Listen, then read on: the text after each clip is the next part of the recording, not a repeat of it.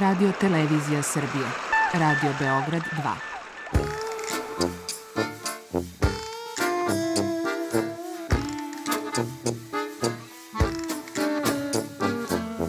Rekli su mi, gospodine, vi ste promašili temu. Pa ja sam onda promašio život.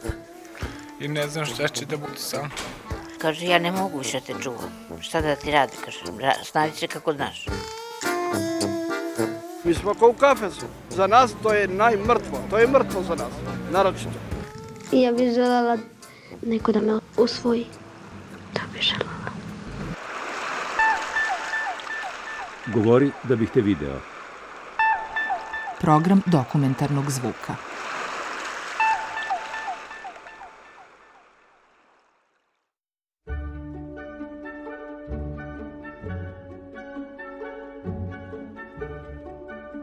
Ja sam Ivana Živaljević, arheološkinja e, i docentkinja na oceku za istoriju Filozofskog fakulteta u Novom Sadu.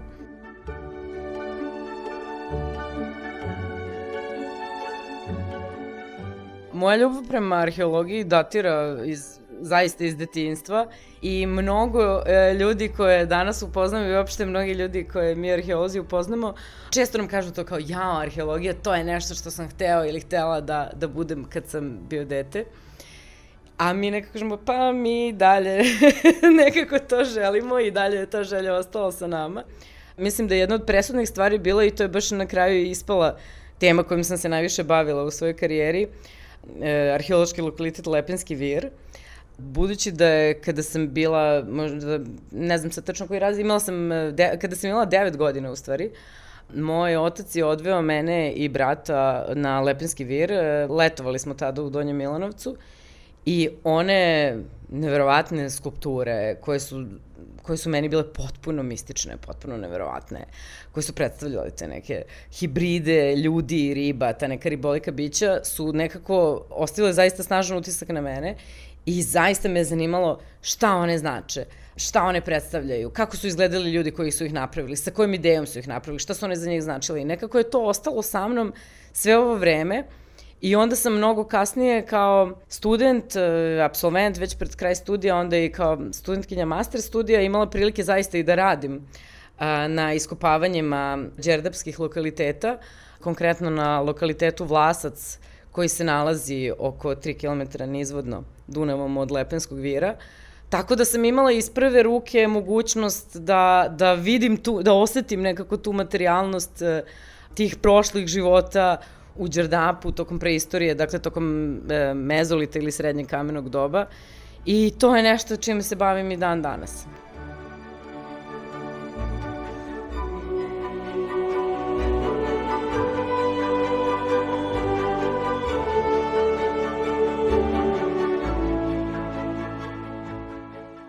Moje oblasti istraživanja prvenstveno su zapravo istorije ljudsko-životinskih odnosa, jer je to jedna tema koju možemo pristupiti iz perspektive arheologije. A, tačnije, ja se bavim analizom životinskih kostiju sa arheoloških lokaliteta, što je jedna disciplina koja se, jedna arheološka poddisciplina koja se zove arheozoologija relativno mlada grana u Srbiji, tek negde poslednjih 20 godina se razvija, ali zapravo prilikom arheoloških iskopavanja veoma često se nalazi i životinske kosti i one su dugo vremena bile nekako zanemarivane, nekako gurane po strani, da nekako nam ne govore puno o životima ljudi u prošlosti. Međutim, mi uz pomoć njih možemo da saznamo zaista toliko mnogo različitih stvari koje životinje su ljudi lovili, e, koje su gajili, sa kojima su živeli, koje su pripitomili, koje životinje su im bili ljubimci, ili sredstvo statusa ili uopšte kako izgledaju i životi tih životinja i kako je u stvari izgledao suživot ljudi i životinja u prošlosti u različitim kulturnim kontekstima. I onda baš ta priča o odnosima ljudi i životinja zapravo i moje interesovanje za to dosta zapravo potiče iz, iz te moje zainteresovanosti za preistoriju Đerdapa. Na prvom mestu te skulpture, naravno, uvek u arheologiji postoji uh, E, mi, mi smo svesni da je sve interpretacija, dakle koja je obojena našim savremenim iskustvima, našim savremenim idejama, tako da su e, arheologija nikada, ili bar dobra arheologija, ne bi trebalo da nudi odgovor šta je nešto, je da dajete definitivne, precizne odgovore, već, kako ja vidim, da postavlja sve više pitanja, da nas natera da razmišljamo o stvarima na drugačije načine, da su različite iskustva bila moguća, da su različiti životi bili mogući i da sve ono što danas zamislimo je zapravo jedan moment u toj nekoj tapiseriji života kroz milenijume. Tako da su razne interpretacije koje, sa kojima sam ja imala prilike da se upoznam i sa kojima se upoznajemo tokom studija, konkretno za lepensko-virske skulpture, bile te da su to neka rečna božanstva, te da imaju neku zaštitnu funkciju da zaštite ta naselja od dejstva razornih poplava. E, međutim, sa mnom je prilično rezonirala ta interpretacija da su oni zapravo neka vrsta hibridnih bića. Te skulpture su e, prilično velike, oko 40 ili 50 cm uh, visoke od peščara. Neki podsjećaju na ribe, neki podsjećaju na ljudsko-ribolike skulpture. Tako da su neke moje kolege um, ovaj, ponudile tu interpretaciju da zapravo te skulpture predstavljaju taj proces metamorfoze e, iz ljudi u ribe i da u njihovoj toj džerdapskoj ontologiji su zapravo takve stvari bile moguće, da ideja ljudskog bića nije bila tako jasno omeđena kakva bi bila recimo u našem modernističkom shvatanju uh, one lineanske taksonomije homo sapiens je jedna vrsta, o, sve drugo su ostale vrste, nego da očigledno su postojali svetovi gde su takve stvari bile moguće, gde, gde ideja ljudskog bića nije bila tako, tako rigidna možda. Jer to su bili ljudi koji su živeli okruženi tim, svim tim živim bićima. Dakle, u Đerdapu sve do izgradnje e, Đerdapskih brana u 60. i 70. godina 20. veka, su svake godine u proleće i jesen e, stizale te ogromne ribe iz Crnog mora, te različite vrste jesetri, prvenstveno moruna koja je najveći predstavnik jesetri, to su bile velike ribe koje su mogle narasti do 5-6 metara dužine. I sad, iz perspektive tih stanovnika Lepenskog vira i drugih stanovnika u Đerda, i drugih e, naselja u Đerdapu, to je neki fenomen koji se ponavlja svake godine. I svake godine oni prisustvuju tim migracijama tih ogromnih riba koji isto imaju te tako ve, ta velika usta izvrnuta na dole.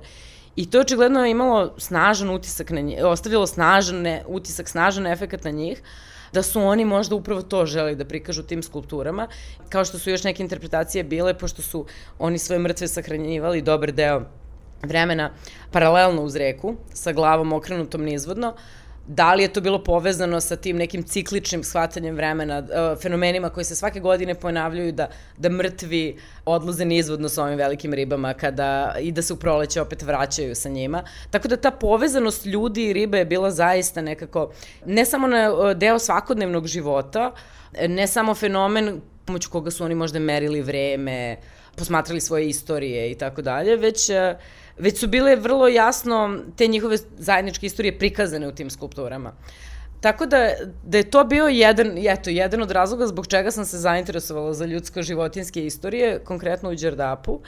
Drugi razlog je bio što u ovom e, kulturnom kontekstu recimo nisu bili redki grobovi gde su ljudi bili sahranjeni zajedno sa nekim delovima životinskih tela. Naprimer, skeleti koji su imali jelenske rogove e, pored glava ili rogove divljeg govečeta, što je najveća kopnena životinja koju su oni znali, za koju su, za koju su znali, to je predak e, domaćih, dakle, goveda. Divlje goveče je bilo zaista impozantnih dimenzija. Ili su imali ukrase od ribljih zuba, ili, na primjer, pseće vilice. Sad, moja ideja je bila zašto baš e, pseće vilice e, su sahranjivane sa ljudima. U ovom periodu, dakle, to je period između 10.000 godina pre nove ere i otprilike 6.000 godina pre nove ere, tada, dakle, to su lovačko, rib, ribolovačko sakupljačke zajednice koje i dalje ne praktikuju stočarstvo. Dakle, oni um, nemaju tu ideju domaće životinje koja živi stalno sa njima, osim pasa.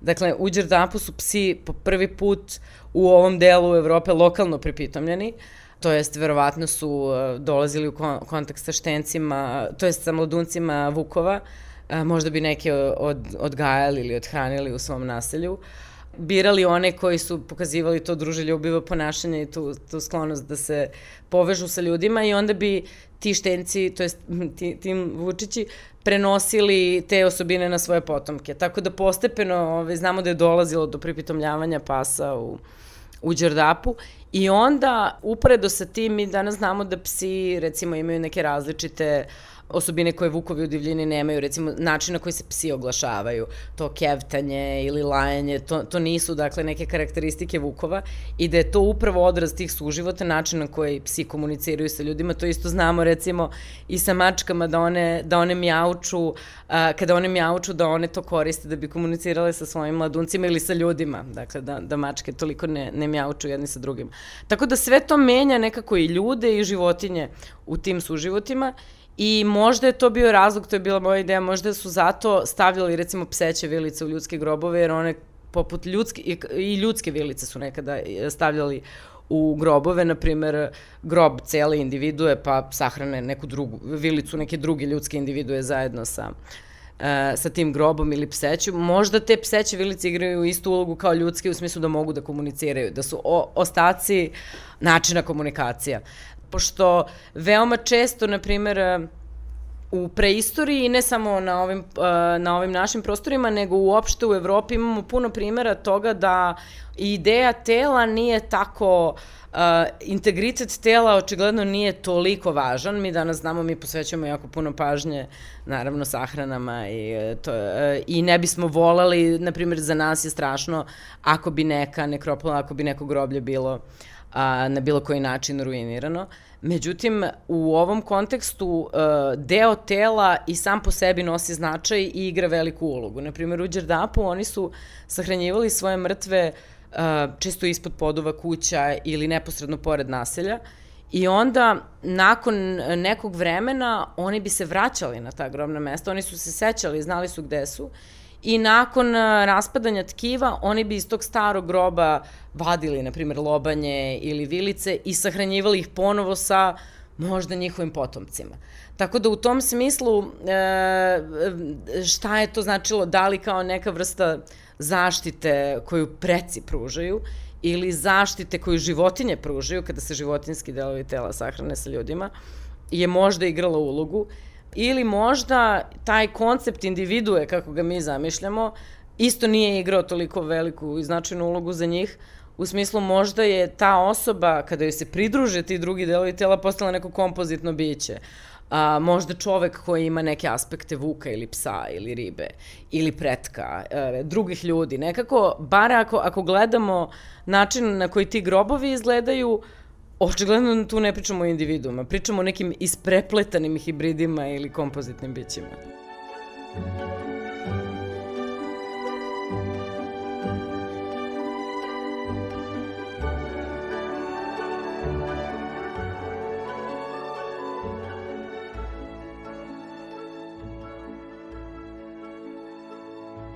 Moj posao kao nekoga ko se bavi arheozoologijom, dakle istraživanjem životinskih kostiju, u tom smislu, prilikom sam, samih e, arheoloških iskopavanja nije mnogo drugačiji u odnosu na poslove drugih arheologa koji se bave različitim vrstama materijala jer arheologija je toliko raznolika da mi e, imamo i neke podspecializacije u okviru nje.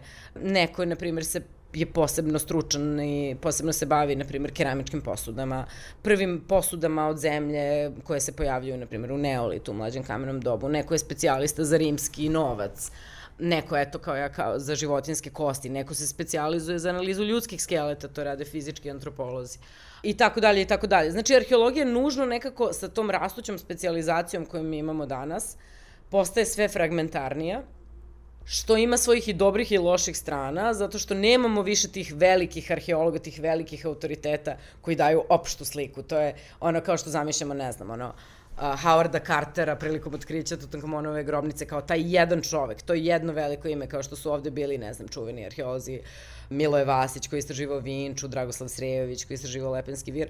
Sada nas ima mnogo, ovo je, ovo je dosta timski rad I e, što isto mnogi moji kolege vole da kažu, arheozi su bića čopora. Mi stvarno radimo zajedno i prilikom terenskih istraživanja i posle nekako puno pričamo međusobno, a, jer stvarno na terenu vi se susrećete, vi kopate, vi se susrećete sa neobičnim, a, sa novim stvarima. Vi prvi put tada nešto otkrivate, počinje, mislim, to, to, to redko izgleda kao, a, odjednom, odjednom se nešto pojavi, nego vi kopate i onda zemlja na jednom mestu postaje malo rastresitija, pa malo menja boju.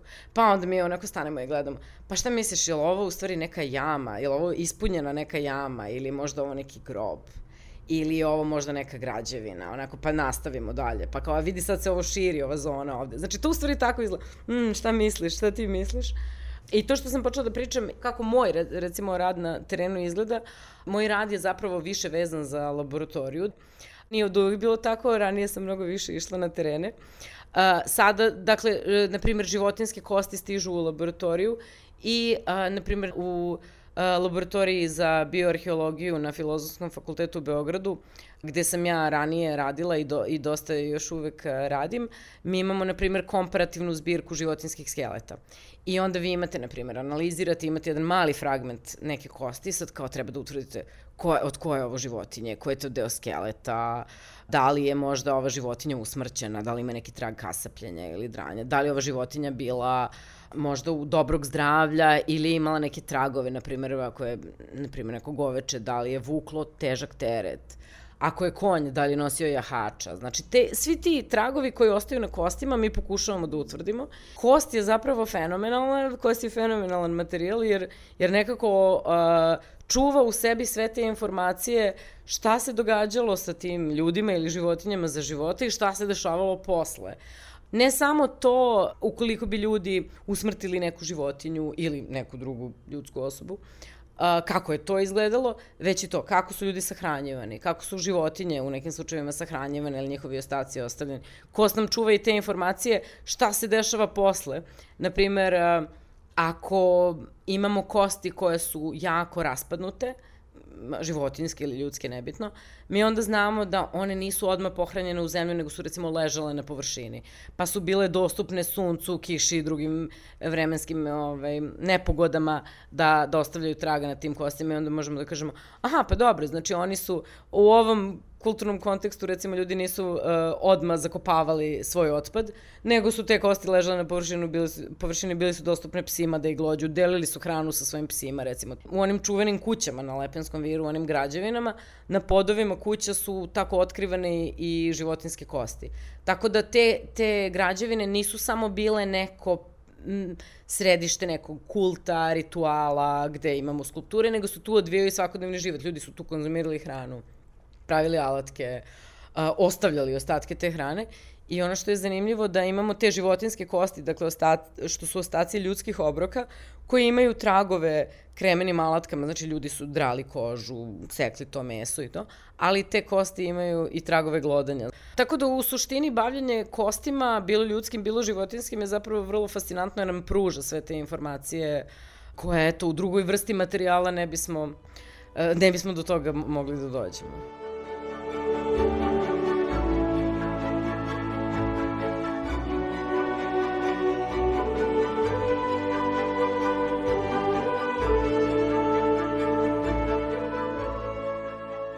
Kada je arheozologija u pitanju, koja proučava, dakle, prvenstveno ostatke životinja sa, sa arheoloških lokaliteta, mislim da je veoma važno da arheozolog uzme u obzir ne samo te kosti koje, koje proučava, već i, na primjer, da to poredi sa time da li postoje neki prikazi tih životinja u umetnosti, u materijalnoj kulturi, da li postoje neke freske, skulpture, figurine, na primjer, možda neke životinje koje se prikazuju u umetnosti neće biti te koje će biti konzumirane. One mogu biti predmet nekog tabua ili zabra i onda možda njihove ostatke onda nećemo ni naći.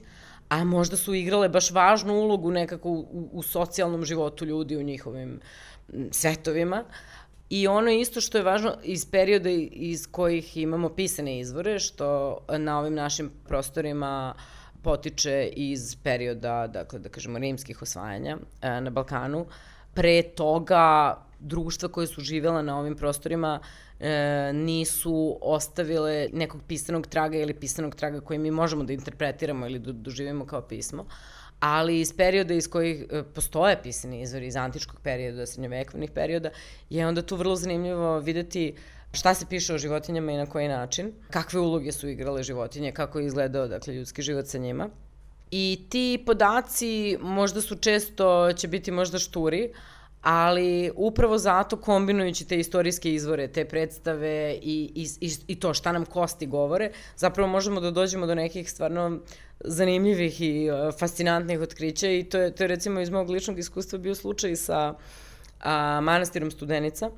A, zbog toga što ovaj manastir, kao što znamo, a, istraživanje već, već jako dugo, strane arheologa takođe. I u jednom momentu sam a, dobila priliku da analiziram a, kosti riba koje su otkrivene izvan bedema manastira Studenice. Dakle, to, je, to su bili neki otpadni prostori. Dakle, u manastirima i tako u tim mm, srednjovekovnim, na primjer, utvrđenjima, praksa je bila da kuhinski otpad, dakle polomljene posude, e, keramičke, životinske kosti, pepeo, ljudske jajeta, dakle sve to što, što je de facto đubre, bi bilo izbacivano izvan uh, manastirskog ili bedema ili bedema utvrđenja. I onda među tim ribnim kostima mi smo identifikovali kosti ovih baš dunavskih riba, ovih ogromnih jese trimoruna, kojih je toliko bilo na Lepenskom viru, I odjednom imamo ih u Studenici koja je 200 km vazdušnim putem udaljena od, um, od Dunava. I ja sam baš razgovarala sa kolegama koji su se više bavili srednjim vekom i bili bolje upoznati. Ja sam rekla, pa šta je ovo, ovo neka trgovina, šta se ovo dešava, oskud ove ribe ovde? I ono što je zanimljivo je da je dovući ove ribe do Studenice sa Dunava bio jedan vrlo zahtevan, težak poduhvat zbog toga što mi smo otkrili tu kosti lobanje, kosti glave ovih riba, Tako da nije reč o recimo onima na primjer da su oni samo neke šniclice isekli, ovaj, dopremili ih nekako, nego da su verovatno celu ribu uprtili na neku volovsku zapregu ili u ogromnim nekim buradima ih dovukli. To, to su ribe 3, 4, 5 metara dugačke.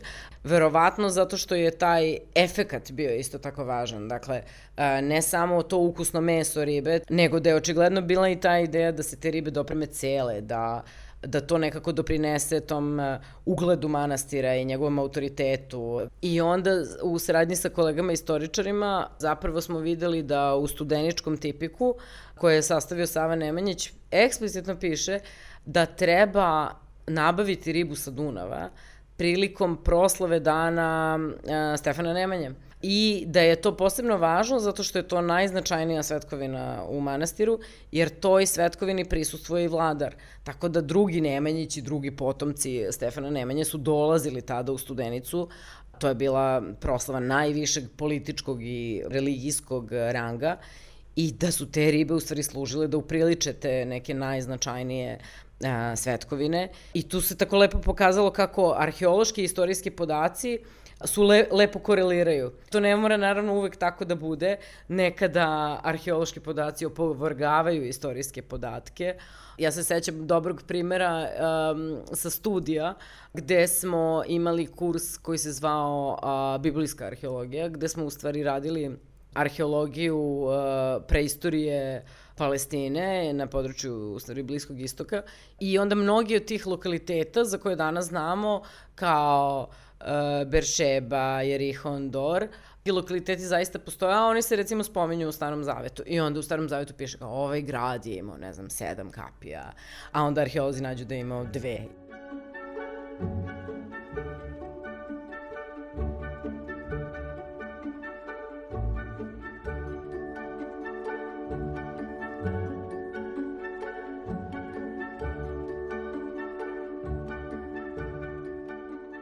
Arheologija, kao naravno i druge društveno-humanističke discipline, je nekako usmerena na ljude u svom domenu istraživanja.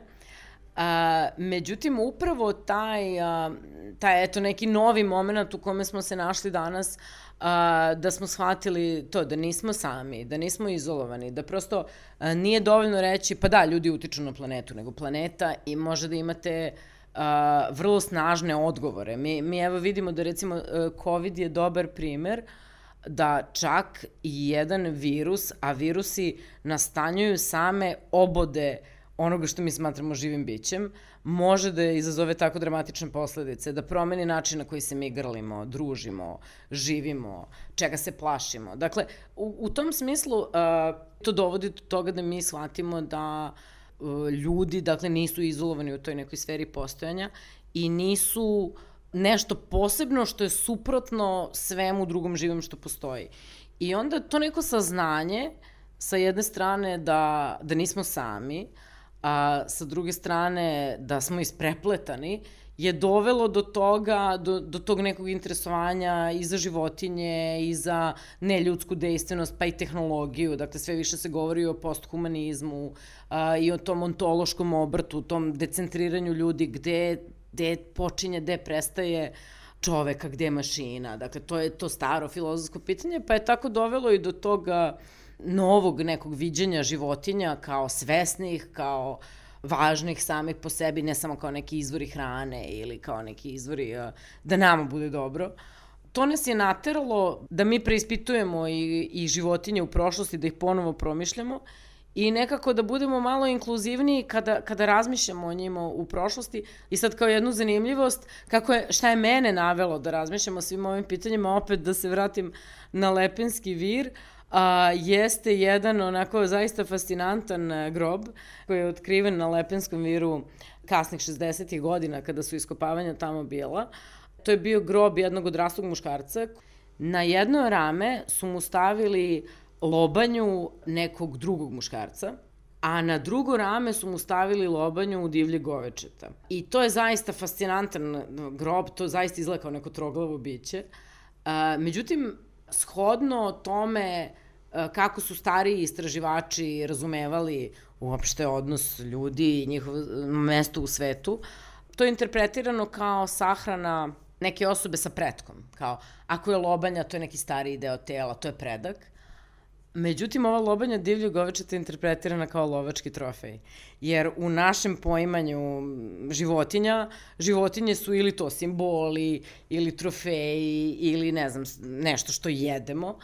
A ono što mi koji dobro poznajemo životinje, koji živimo s njima, koji svakodnevno delimo neka iskustva sa njima, mi znamo da su oni živa i dejstvena bića i ako je, ako ova ljudska lobanja druga igra ulogu a, nekog pretka, zašto je onda ovo divlje goveče bilo svedeno na trofej? Prosto kako su oni razmišljali o tome? Oni su to, oni su to divlje goveče poznavali dok je ono bilo živo, oni su ga ulovili, oni su ga možda, možda je neko stradao od njegovih rogova, možda je to bila najsnažnija, najveća, najmoćna životinja koju su znali. E, možda e, to divlje goveče igra apsolutno istu ulogu kao ova ljudska lobanja, o, u smislu to, da se izađe iz tog individualnog iskustva i da se da se poveže sa, sa drugim načinima bivstvovanja ljudskim i životinskim i da upravo je možda cilj stvoriti neko kompozitno biće u toj sahrani, da je to bila ideja te sahrane. Tako da su nas takvi neki konteksti zapravo ti, ta izmešana tela ljudi i životinja, bilo u skulpturi, bilo u grobovima, a, bilo u, u prikazivanju, mi imamo takve freske sa tim neobičnim nadprirodnim bićima, uopšte od uvek imamo nekako prikaze životinja, ljude od uvek interesuju životinje i ljude uvek interesuje šta to ljude čini posebnim i odvojenim od njih, da je sve to nekako doprinelo da, da, da se onda i mi preispitujemo i kao kako su ih oni doživljavali i kako ih mi u stvari danas doživljavamo i kako s njima danas živimo.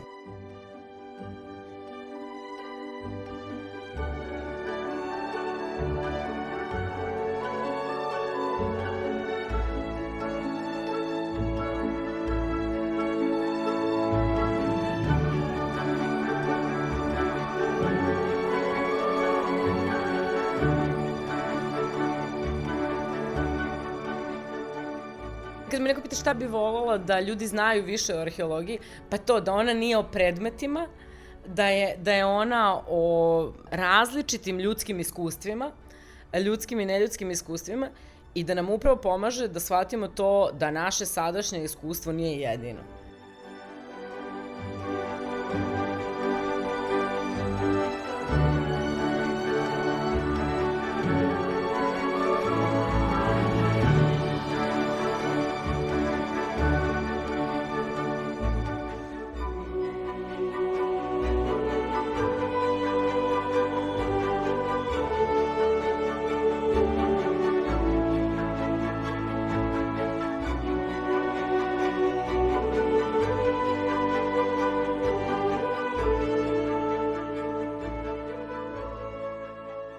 Današnjoj reportaži govorila je Ivana Živaljević, arheološkinja i docent na Filozofskom fakultetu Univerziteta u Novom Sadu. Autor Milena Ratić.